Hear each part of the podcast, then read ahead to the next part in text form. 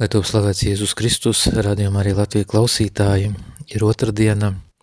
Ar jums kopā esmu es, Liepais diecēs bīskaps Viktors Stulpins, un šoreiz iesākšu ar uh, atvainošanos, jo kaut kā tā sanāca, ka man sajūka otrdienas, man vajadzēja būt pagājušajā otrdienā katehēzē kopā ar jums, bet uh, kaut kā es biju palaidis to garām, un tieši tādēļ arī varbūt šodien, šodien kopā mēs būsim šajā katehēzē, turpināsim mūsu pārdomas.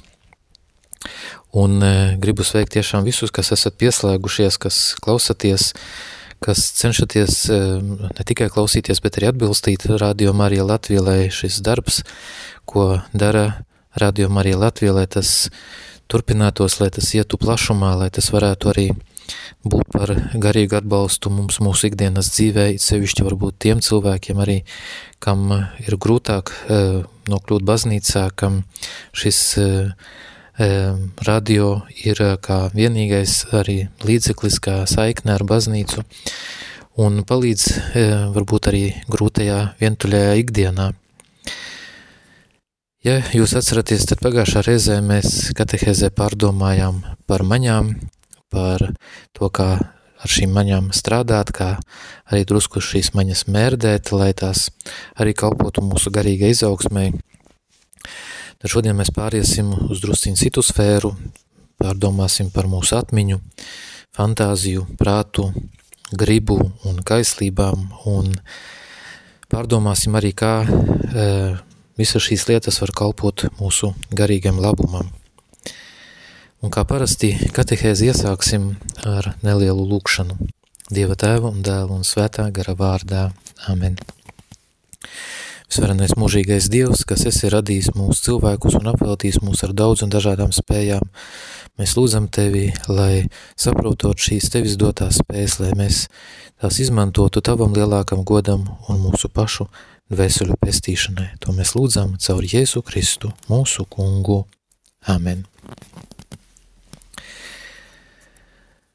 Mateja evaņģēlijā mēs lasām par to, kā rakstu zinātāji un farizēji iztautā, iztaujāja Jēzu par dažādiem ieradumiem.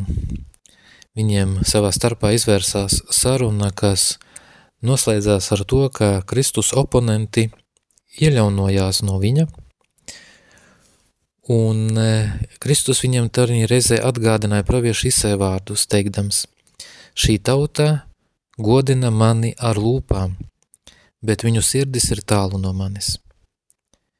Pēc sarunas ar farizējiem Jēzus saviem mācekļiem arī deva zināmus paskaidrojumus, un šie paskaidrojumi noslēdzās ar tādiem būtiskiem Jēzus vārdiem, svarīgiem Jēzus vārdiem, kur viņš saka, no sirds iziet ļaunas domas, slepkavības, laulības pārkāpšana, nešķīstība, zādzība, nepatiesa liecība, zaimi. Tas ir, kas sagā, sagāna cilvēku. Tādā netiešā veidā Jēzus atgādina divus no Dieva baušļiem. Tev nebūs iekārot sava tuvākā sieva, un tev nebūs iekārot nevienu lietu, kas piedara tavam tuvākajam. Un tie atslēgas vārdi mūsu pārdomām ir tev nebūs iekārot. Jo daudzi grēki dzimst cilvēka domās, dzimst viņa galvā.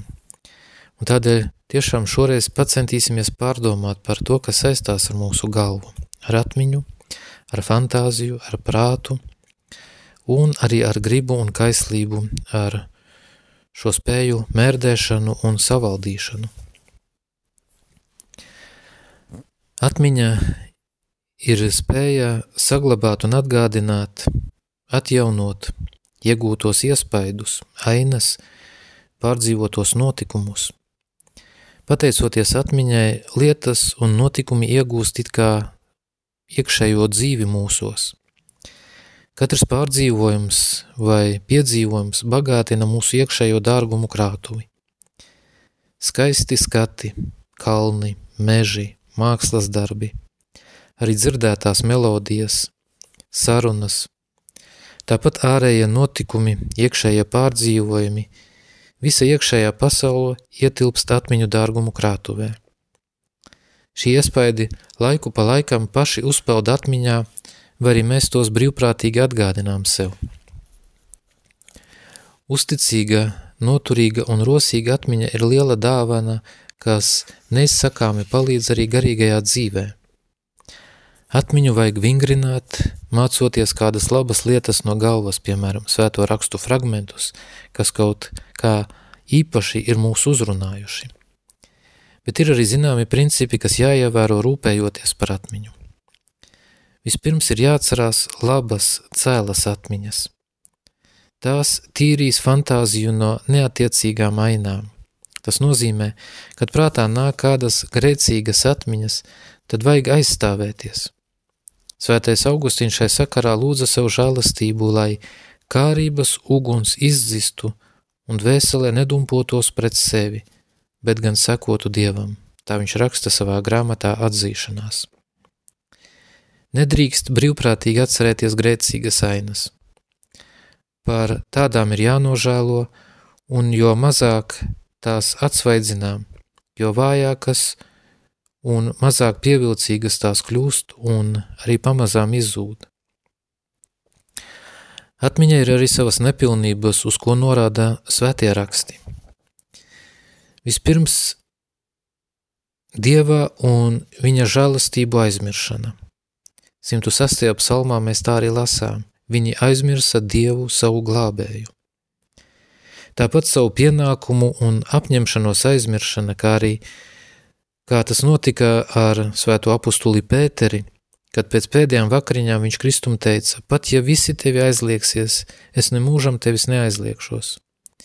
Un tad jau augstā priestara namā neilgi pēc tam viņš kalpotāja saka, es to cilvēku nepazīstu. Tāpat tādu personu vai notikumu atcerēšanās, kas mūs izklaidē, kā, teiksim, jūdi atcerējās Ēģipti, Ēģiptes nebrīvi, kad viņi bija izceļojuši no šīs nebrīves. Viņi toreiz e, teica, par ko rakstīts otrajā mūzus grāmatā, kaut kunga roka būtu likusi mums mirt Eģiptes zemē, kad mums bija gaļas podi un maizes pa pilnam, ko ēst. Tā arī mums, mūsu atmiņās ir jācenšas atcerēties tikai tas labais, tikai tā Dieva žēlastība, kas mūs ir kas mums ir tikusi dota, lai mēs varētu dzīvot tīru svētu dzīvi. Bet atmiņai līdzās darbojas arī fantāzija, kas ir spēja no piedzīvotiem iespējiem veidot jaunas ainas, jaunus attēlus. Fantāzija ir liela nozīme zinātnē un mākslā. Savās funkcijās fantāzija lielā mērā ir atkarīga no mūsu organisma. To ietekmē satrauktie nervi, vājums vai uzbudinājums. Vēl vairāk tā ir atkarīga no jūtekliskās iekāres. To, kas kaislībam ir patīkams, to fantāzija attēlo košās pievilcīgās krāsās, un to, kas tai nepatīk, to fantāzija prot arī aptumšot. Padodamās kaislībām fantāzija ar attiecīgām ainām attēliem var ietekmēt prātu un caur prātu arī gribu taču tā var arī ārkārtīgi daudz palīdzēt garīgajā dzīvē. Kur ir dzīva, bagāta un sakārtota fantāzija, tur vieglāk veicas lūkšanā un vingrināšanās tikumos. Piemēram, iztēlojoties Kristus ciešanas un nāvi, fantāzija var palīdzēt apvaldīt juteklisko iekāri. Žēl ir to cilvēku, kuru fantāzija nav attīstīta, taču vēl vairāk žēlojami ir tie cilvēki, kam ir neapvaldīta fantāzija. Un šādā negatīvā ziņā fantāziju var iedalīt. Vispirms vētrainā. Fantāzija, kura neapvaldīta un kļūst par daudzu grēku cēloni. Tā ir pārmērīgi dzīva un bagāta un rada arī izklaidības. Tad ilūziju pilna fantāzija, kas mūs maldina tā, ka sākam dzīvot ilūzijās un beidzot pārmērīgi jūtīga fantāzija, kas pamudina uz ļaunu nesavaldīšanās dēļ. Un savaldīt fantāziju nemaz nenākas tik viegli.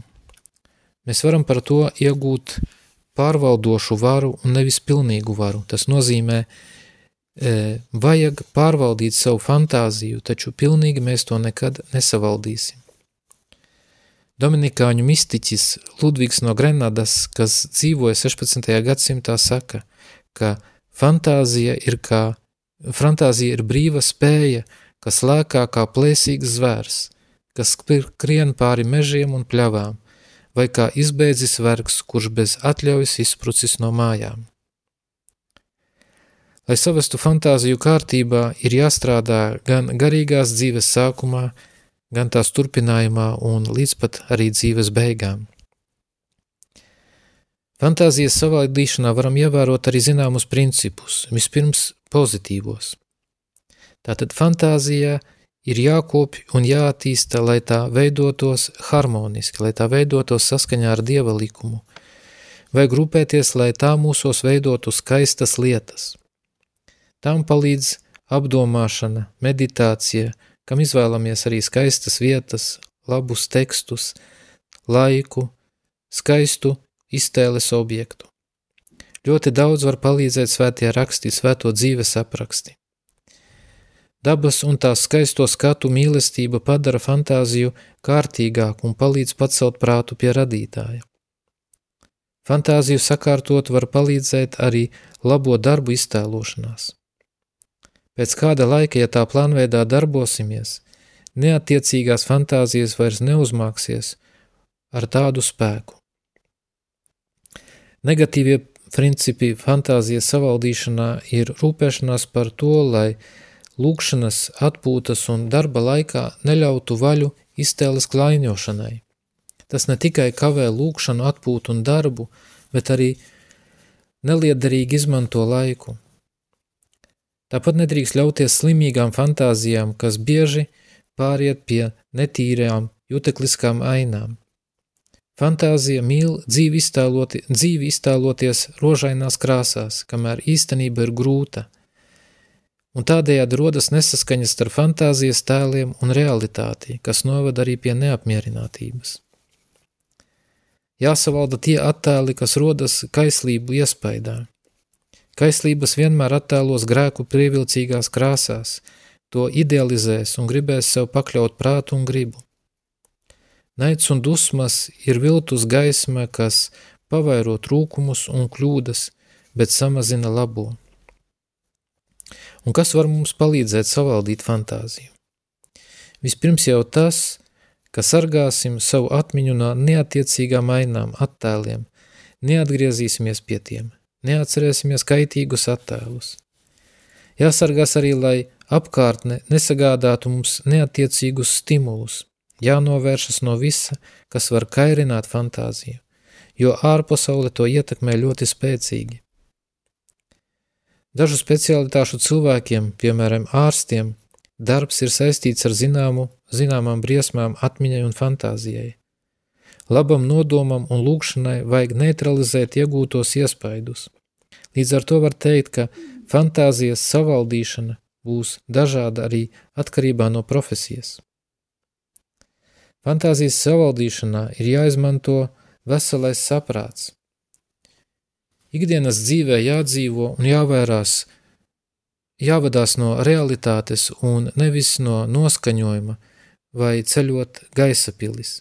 Ir jācenšas labi izpildīt savi pienākumi, jo šo nodarbību rezultātā iegūtā fantāzija neklaiņo pa dažne dažādiem neceļiem.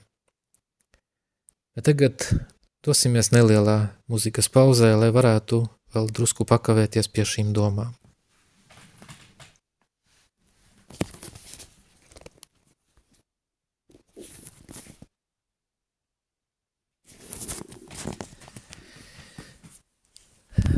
Atgriežoties no mūzikas pauzes, turpināsim mūsu pārdomas un pievērsīsimies prāta un gribas mērdēšanai. Prāts un griba ir visaugstākās cilvēka spējas, kas izaug no viņa garīguma un pārceļ mūs gara pasaulē. Pateicoties šīm spējām, mūsu darbi iegūst morālisku vērtību, tās mūs tuvina Dievam. Taču abas šīs spējas ir pirmdzimtā grēka iebojātas un abām ir vajadzīga audzināšana un pilnveidošana. Prāts ir tas, kurš tiecas pēc patiesības, ilgojas pēc zināšanām. Šīs ilgas tiek pilnīgi apmierinātas vienīgi mūžīgajā dzīvē. Šī tieksme ir arī vispārīgs darbs, tāpēc mums ir pienākums attīstīt prātu noteiktā virzienā. Prāts ir jāattīsta, jo vairāk tāpēc, ka tas vada gribu, kura pakļauj sev zemākās spējas un vada likumiskos aktus. Prāts ir jāattīsta pienākumu pildīšanas virzienā, un pirmais cilvēka pienākums ir pazīt patiesības, kas attiecas uz Dievu. Diemžēl vēl aizvien daudzi nejūt vajadzību censties padziļināt savas zināšanas ticībā, tāpēc nav brīnums, ka tādu ticība ir vāja, vai arī ka viņi tic pa savam. Tādiem daudzas ticības patiesības, ko sludina baznīca balstoties svētajos rakstos tradīcijā un baznīcas mācībā, šķiet nebūtiskas, un viņi izvēlas ticēt un paklausīt tikai tam, kas ir patīkams un viegls. Tomēr prātu vajag izglītot attiecīgi un piemēroti vecumam, kārtai un iespējam, lai izpildītu savus pienākumus, un jo labāk cilvēks ir sagatavots savai profesijai, jo vairāk viņš tai dos un jo vairāk arī pats gūs gandarījumu un piepildījumu. Tas, kas nesagatavojies ķeras pie darbas, pie darba, apzog ne tikai sevi, bet arī sabiedrību. Un līdzīgi ir arī ar izglītošanos ticībā un garīgajā dzīvē. Nezināšanas un nelietpratības dēļ notiek daudzi zaudējumi, nelaimes un katastrofas. Prāts nedrīkst nodarboties ar kaitīgām un nevajadzīgām lietām. Zināt, kā attiecās uz dažādām lietām, tomēr arī tai jābūt pakārtotai vispirms mūsu pienākumiem, jo pretējā gadījumā tā var novest pie paviršības un kavēt e, nepieciešamo zināšanu iegūšanu ir jānošķir zinātkāre no ziņkārības. Sekošanā Kristum Kempenes Toms raksta apvaldi savu ziņkāri un neradi nemieru ar nevajadzīgām rūpēm. Kāda tev daļa par to vai citu? Tev nav jāatbild par citiem, bet tev ir jāatbild par sevi. Kāpēc tu neliecies mierā? Mūsdienu cilvēks caurskata telefonā un datorā lielu daudzumu informācijas. Ar to viņš iegūst daudz izklaidību un zaudē daudz laika. Orientēšanās visā notiekošajā ir vajadzīga, tā ir jāiegūst, bet nedrīkst lasīšanai un sekošanai visam, kas notiek, veltīt pārāk daudz laika. Dar pieturēties pie principa, ka mēs cenšamies iegūt tikai to, kas ir nepieciešams, to, kas ir derīgs, un arī to, kas ir patīkams. Šis princips ir pamatots. Ar tā ievērošanu ļoti var palīdzēt iegūt pašsavaldīšanos. Ja prāts kalpo kaislībai, cilvēks ātri slīd lejup, it īpaši, ja viņš ir padavies juteklībai. Tad viņš cenšas atrast attaisnojumu dažādām iegribām, izdomā dažādus aizbildinājumus vai lai pamatotu savu rīcību. Zināšanas ir jāiegūst ar lielu pazemību.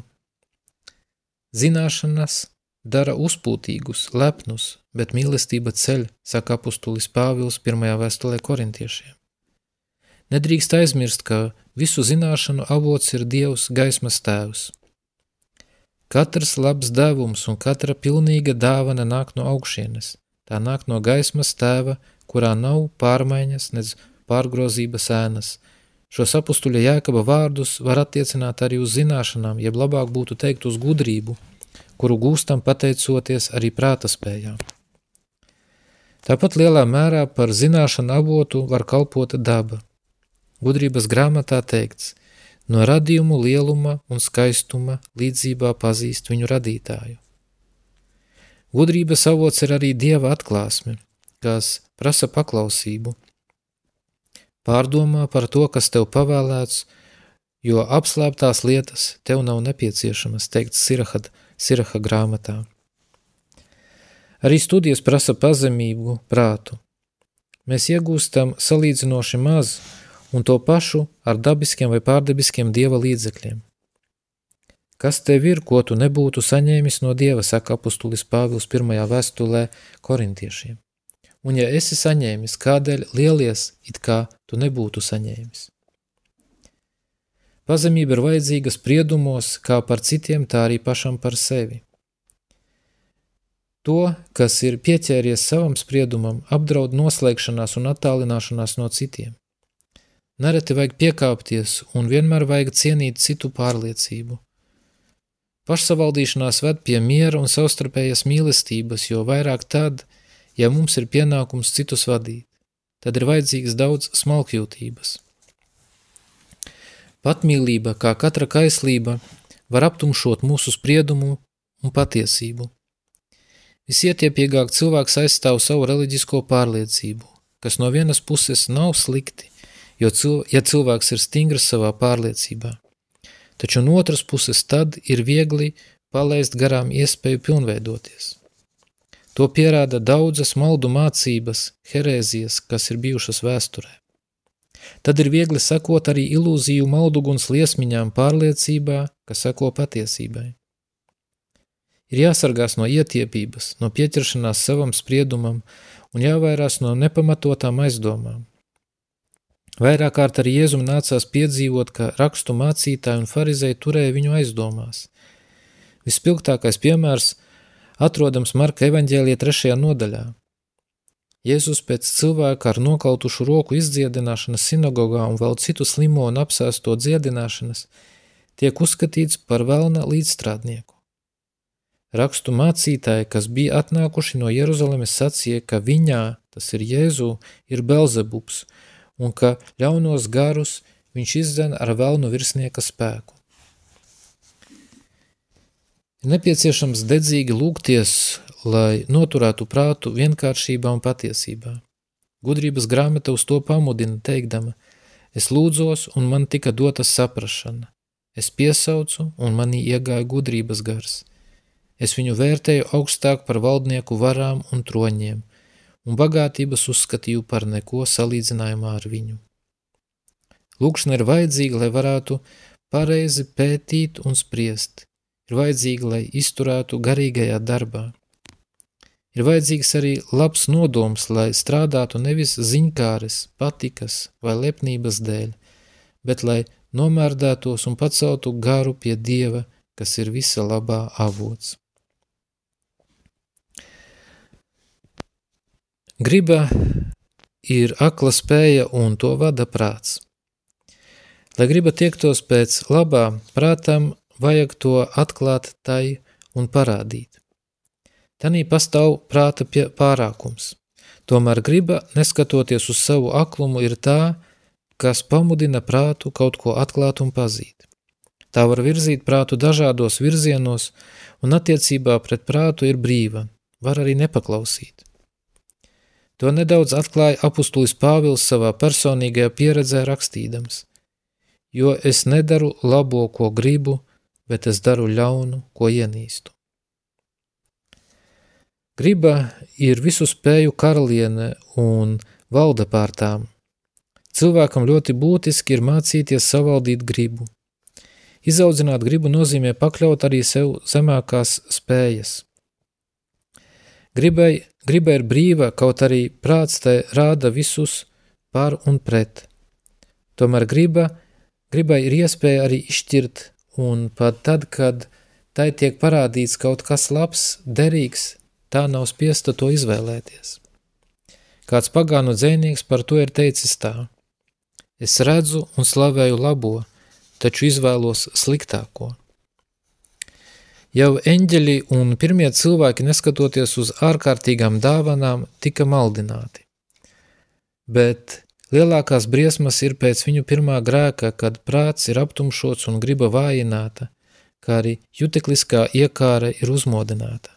Tātad cilvēks var nelietīgi lietot savu gribu. Bez Dieva žēlastības palīdzības viņš nevar ilgāku laiku pildīt Dieva baušļus, Tikai Dieva žēlastības stiprināts var uzvarēt visas grūtības un grēkus. Pēc Franču revolūcijas Francijā ļoti pazīstams kļuva Dominikānis, teologs, žurnālists un politiskais aktīvists Lakordērs, kurš teica, ka katrā no mums slēpjas materiāls, no kura var izveidot vai nu svēto vai noziedznieku. Arī svēto dzīves apraksti un izcilu cilvēku biogrāfijas mums atklāja, cik daudz spēja griba ar Dieva žēlastības palīdzību. Bet kādi būtu jāievēro principi, lai valdītu pār savu gribu? Vispirms griba ir jāsargā no visa kaitīgā, kā piemēram no sliktiem piemēriem, neatiecīgas ietekmes. Tā ir jāatbrīvo no kompleksiem, tas ir no bailēm, no bailēm no cilvēkiem, kas paralizē skaidro un vienkāršo attiecību ceļu. Nav jābaidās no neveiksmēm vai uzticēšanās arī saviem spēkiem, jo tas paralizē brīvo gribas lietošanu. Gribas uzdevums ir novērst to, kas cilvēku velk lejup un darīt labu. Tas nenākas viegli. Līdzīgi kā ūdens lēnām izdob viscietākos akmeņus, tā savaldīta griba pamazām uzvar ļaunas tieksmes. Tas maksā daudz, taču ar laiku mēs iegūstam vieglumu šai darbā un rodas arī labs ieradums.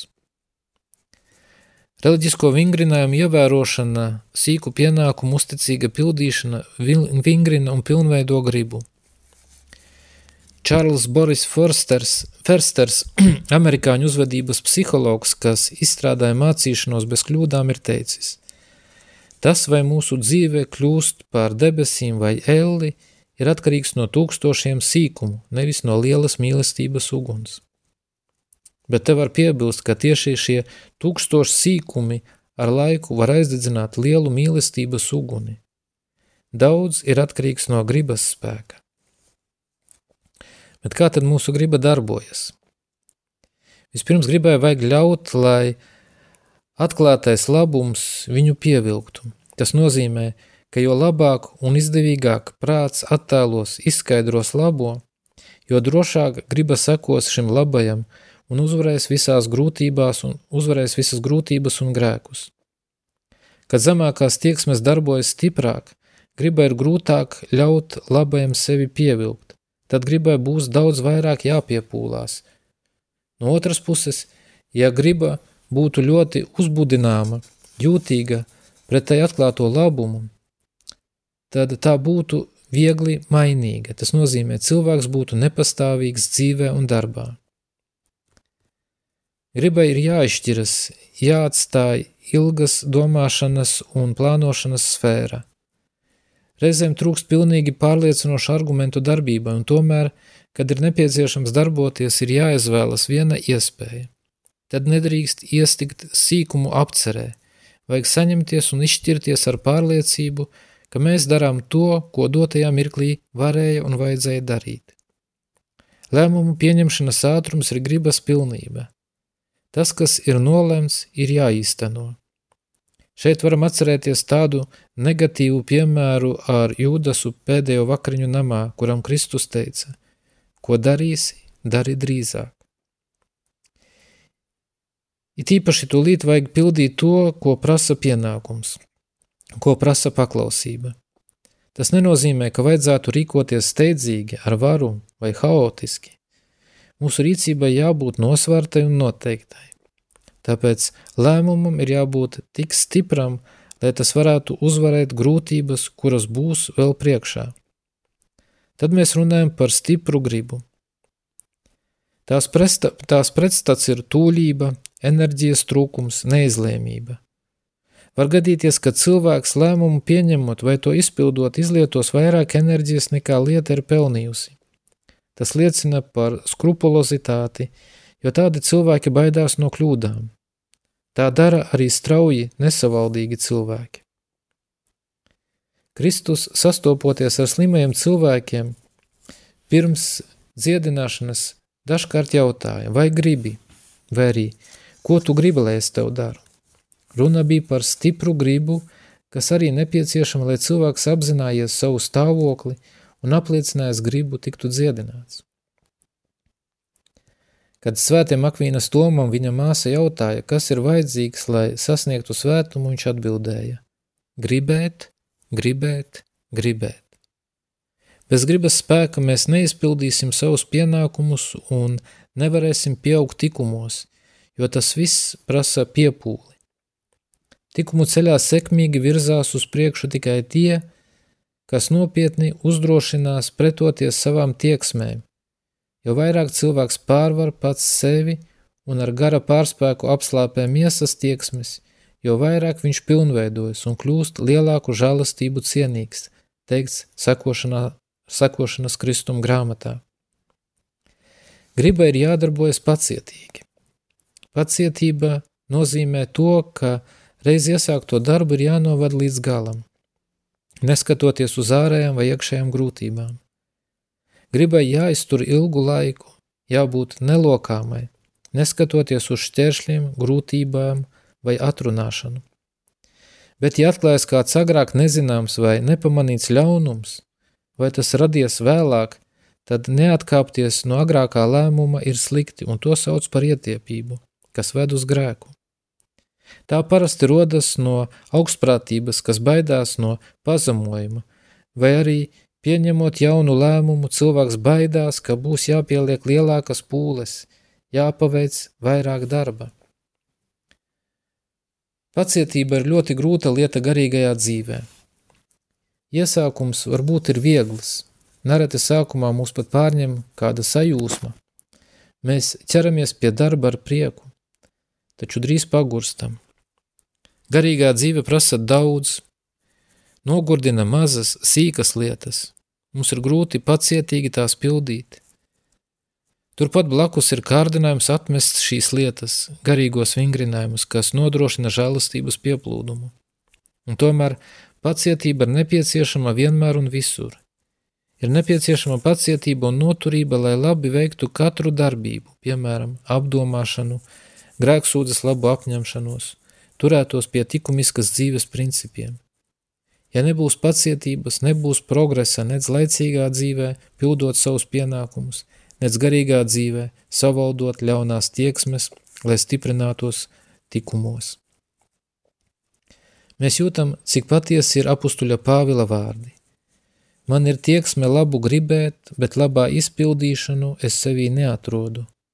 Es nelaimīgais cilvēks. Kas mani atbrīvos no šīs nāvi, nesējas miesas? Un viņš pats atbild uz savu jautājumu. Dieva žēlastība caur mūsu kungu Jēzu Kristu. Ja mēs neskatoties uz visiem mūsu kritieniem, tomēr piepūlamies gribēt un darīt labo, tad ikdienas varam pieredzēt, cik efektīvi un mērtiecīgi ir pārdabiskie līdzekļi, dieva žēlastība. Šai sakarā svētais Jānis Bosko jauniešu audzinātājs atbildot uz angļu ministra jautājumu, ar kādiem līdzekļiem viņš sasniedz tik skaistus rezultātus atbildēja. Ikdienas svētā misē un bieža grēksūdze. Tātad, jo vairāk mēs lūdzam palīdzību no Dieva, jo biežāk pieņemam svētos sakramentus, jo vairāk mīlam Dievu, jo vairāk arī stiprinām savu gribu. Un arī šajā brīdī dosimies nelielā mūzikas pauzē, lai varētu pārdomāt visu dzirdēto un lai varētu arī varbūt lūgt kādā brīdī par to, lai tiktu stiprināts mūsu prāts un mūsu griba.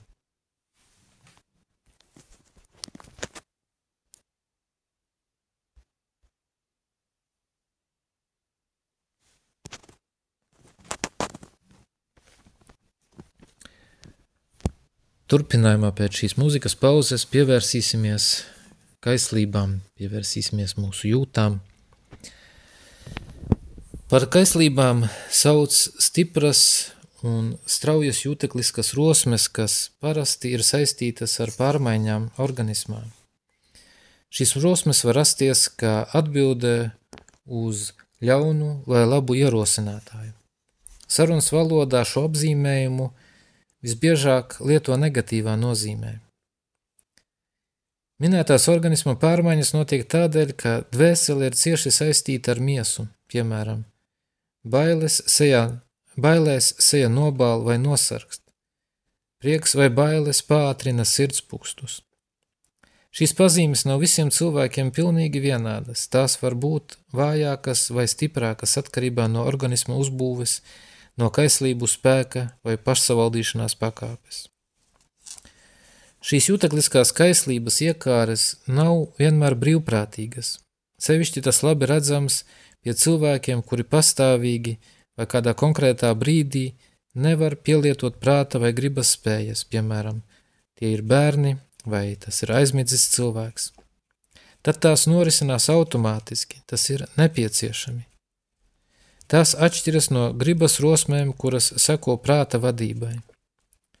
Tās sauc par jūtām un mīlestības kaislību, un visbiežāk tās parādās kopā un caurstrāvo viena otru, un griba pilnveido kaislību par cēlām jūtām. Savā ikdienas dzīvē visdažādākajās situācijās mēs sastopamies ar dažādām kaislībām. Visa pamatā ir mīlestība.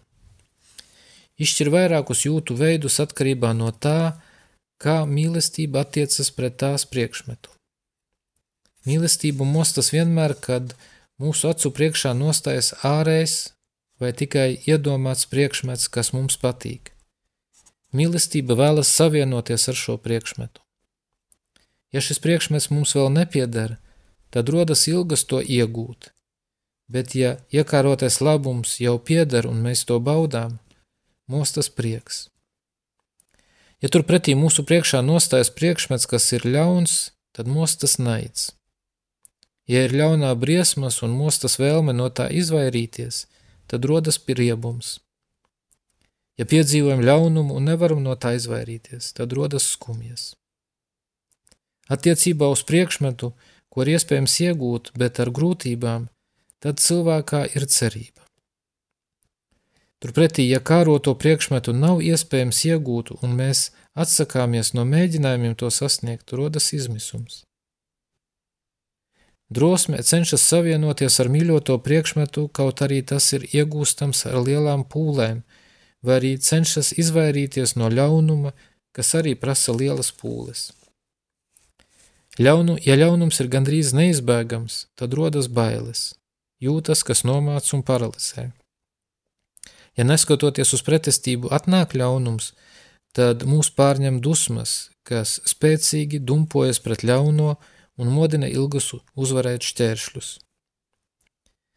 Baznīcas mācība attiecībā pret jūtām vadās pēc principa, ka tas, ko Dievs ir devis, nevar būt ļauns un ka jūtas izriet no cilvēka dabas, tāpēc atteikties no tām būtu zaudēt kaut ko cilvēcisku. Tomēr mēs nedrīkstam ļaut tām neierobežoti darboties, lai mums e, nedraudētu nelabojami zaudējumi. Tās vajag disciplinēt, savaldīt un pakļaut gribai.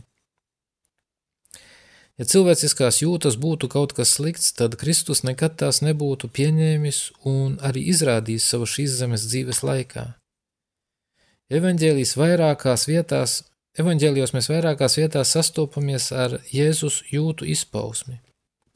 Piemēram, Jāņa evanģēlijā, kad viņš bija pie krusta, tad par apustuli Jāni teikts māceklis, ko Jēzus mīlēja. Jēzus skuma un raudāja par sava drauga Lāzara nāvi. Viņam bija žēl ļaudis, kas viņam sekoja un kuru dēļ viņš pavairoja maizi, lai tos pabarot. Tāpat sastopamies ar dusmīgu Jēzu, kad viņš izdzina tirgotājus no svētnīcas. Piedzīvoja arī bailes ģecemenes dārzā. Jēzus ir priecīgs, kad uzgavilēja svētajā garā pēc tam, kad mācekļi ir atgriezušies no veiksmīga evanģelizācijas ceļojuma. Tas viss Jēzu padara mums tuvāku un saprotamāku. Tāpēc apustulis Pāvils vēstulē romiešiem mudina arī mūs priecāties ar priecīgajiem un skumt ar skumjajiem. Tomēr jūtas un kaislības var tiekties arī pēc neatļauta priekšmeta un neatiecīgas rīcības. Tad tās traucē prāta un gribas darbību un novad pie kritiena, novad pie grēka. Tad prāts ir aptumšots un neļauj izdarīt pareizu novērtējumu, ienes apjukumu, un cilvēks viegli novirzās no labām, no savu pienākumu ceļa un nereti nekontrolēti nododas baudām. Arī griba tad ir novājināta un nespēja pretoties, nespēja cīnīties, te vairs nav vajadzīgā spēka rīkoties un tiekties pēc labā. Tādā stāvoklī ilgāk dzīvojot iezogas vienaldzība, un tad arī cilvēks vieglāk piekāpjas tam, kas ļauns vai vismaz neatiecīgs. Kāds garīgās dzīves pazinējs par šo stāvokli saka: Dvēsele tad vairs nav pareizs dieva attēls, bet gan kļūst līdzīga lietām, kaislībām, kurām pieķeras. Putekļu kārta un dubļu traipi sāk aptumšot viņas skaistumu, un neļauj tev pilnīgi savienoties ar Dievu. Kad jūtas kaislības ir pakļautas prātam, tad tās darbojas tad un tādā veidā, kad un kā prāts un griba tām atļauj darboties. Tātad, kaislības iekāras ir sliktas, ja to priekšmets ir slikts, vai arī, ja tās neapvaldīti pārāk stipri iekāro pat atļautu priekšmetu. Tās nāk no grēka un ved uz grēku. No tādām kaislībām Kristus, kā patiesa Dievs, bija brīvs. Arī jaunava Marija, pateicoties bezvainīgās ieņemšanas privilēģijai, bija no tām brīva. Mums cilvēkiem ir jāmācās sevi savaldīt, gan pateicoties pašu pūlēm, gan Dieva žēlastības palīdzībai. Un ir daži principi, kas var palīdzēt savaldīt kaislības. Vispirms ir jānovērš uzmanība no grēcīgā, neatļautā priekšmeta un prāts jānovirza uz to, kas labs. Jāveltī laiks darbam, lūkšanai vai kādai labai nodarbei, hobijam. Tas prasīs piepūli, bet jo biežāk tajā praktizēsies, jo vieglāk tas iznāks. Ir labi uzmodināt arī pretēja, pretēja tikuma aktus, piemēram, kad mostās nelabvēlība pret kādu personu, būt laipnam pret viņu, tai pakalpot, lūgties par šo personu. Svētā Terēze no bērnu Jēzus par to rakstīja tā. Jo vairāk esmu vienota ar viņu, tas ir Kristu, jo vairāk mīlu visas māsas. Ja gribu vairot savā sirdī mīlestību, un ja ļaunais gars mēģina man likt ievērot vienas vai otras māsas kļūdas, es cenšos atrast viņu tikumus, viņu labos nodomus. Cenšoties pēc atļautām lietām, ir jāsaglabā miers, tas ir jāvadās pēc prāta un gribas. Citādi jūtas būs pārspīlētas un var nomocīt dvēseli un miesu. Piemēram, pārmērīgi ilgas lūkšanas dēļ var atstāt novārtā savus pienākumus, var nonākt arī slimīgā sentimentalitātē. Tāpat pretēji, aizraujoties pat ar apustulisku evanģelizējošu darbošanos, izsmeļam organisma spēkus, un kādā brīdī labi iesāktais var apstāties un nenesīs nec augļus, nec gandarījumu. Darbā, kas prasa piepūli, ir nepieciešama atpūta un atslodze, kaut arī darbam būtu viscēlākie nodomi, jo Kristus arī saviem mācekļiem teica pēc evanģelizācijas darba – nāciet saurup vientuļā vietā un nedaudz atpūšaties. Tādas ir šodienas pārdomas, un lai tās pamudina mūs uz tiekšanos pēc labā, lai māca arī pašsavaldīšanos. Pašsavaldīšanās dzimst no Dieva žēlastības un ilgstošām pūlēm garīgajā darbā, un lai Dieva žēlastība mūs tiešām visus pavada šajās pūlēs un šajā darbā un dod arī mūsu dzīvē labus augļus. Paldies, ka klausījāties un līdz nākamajai reizei!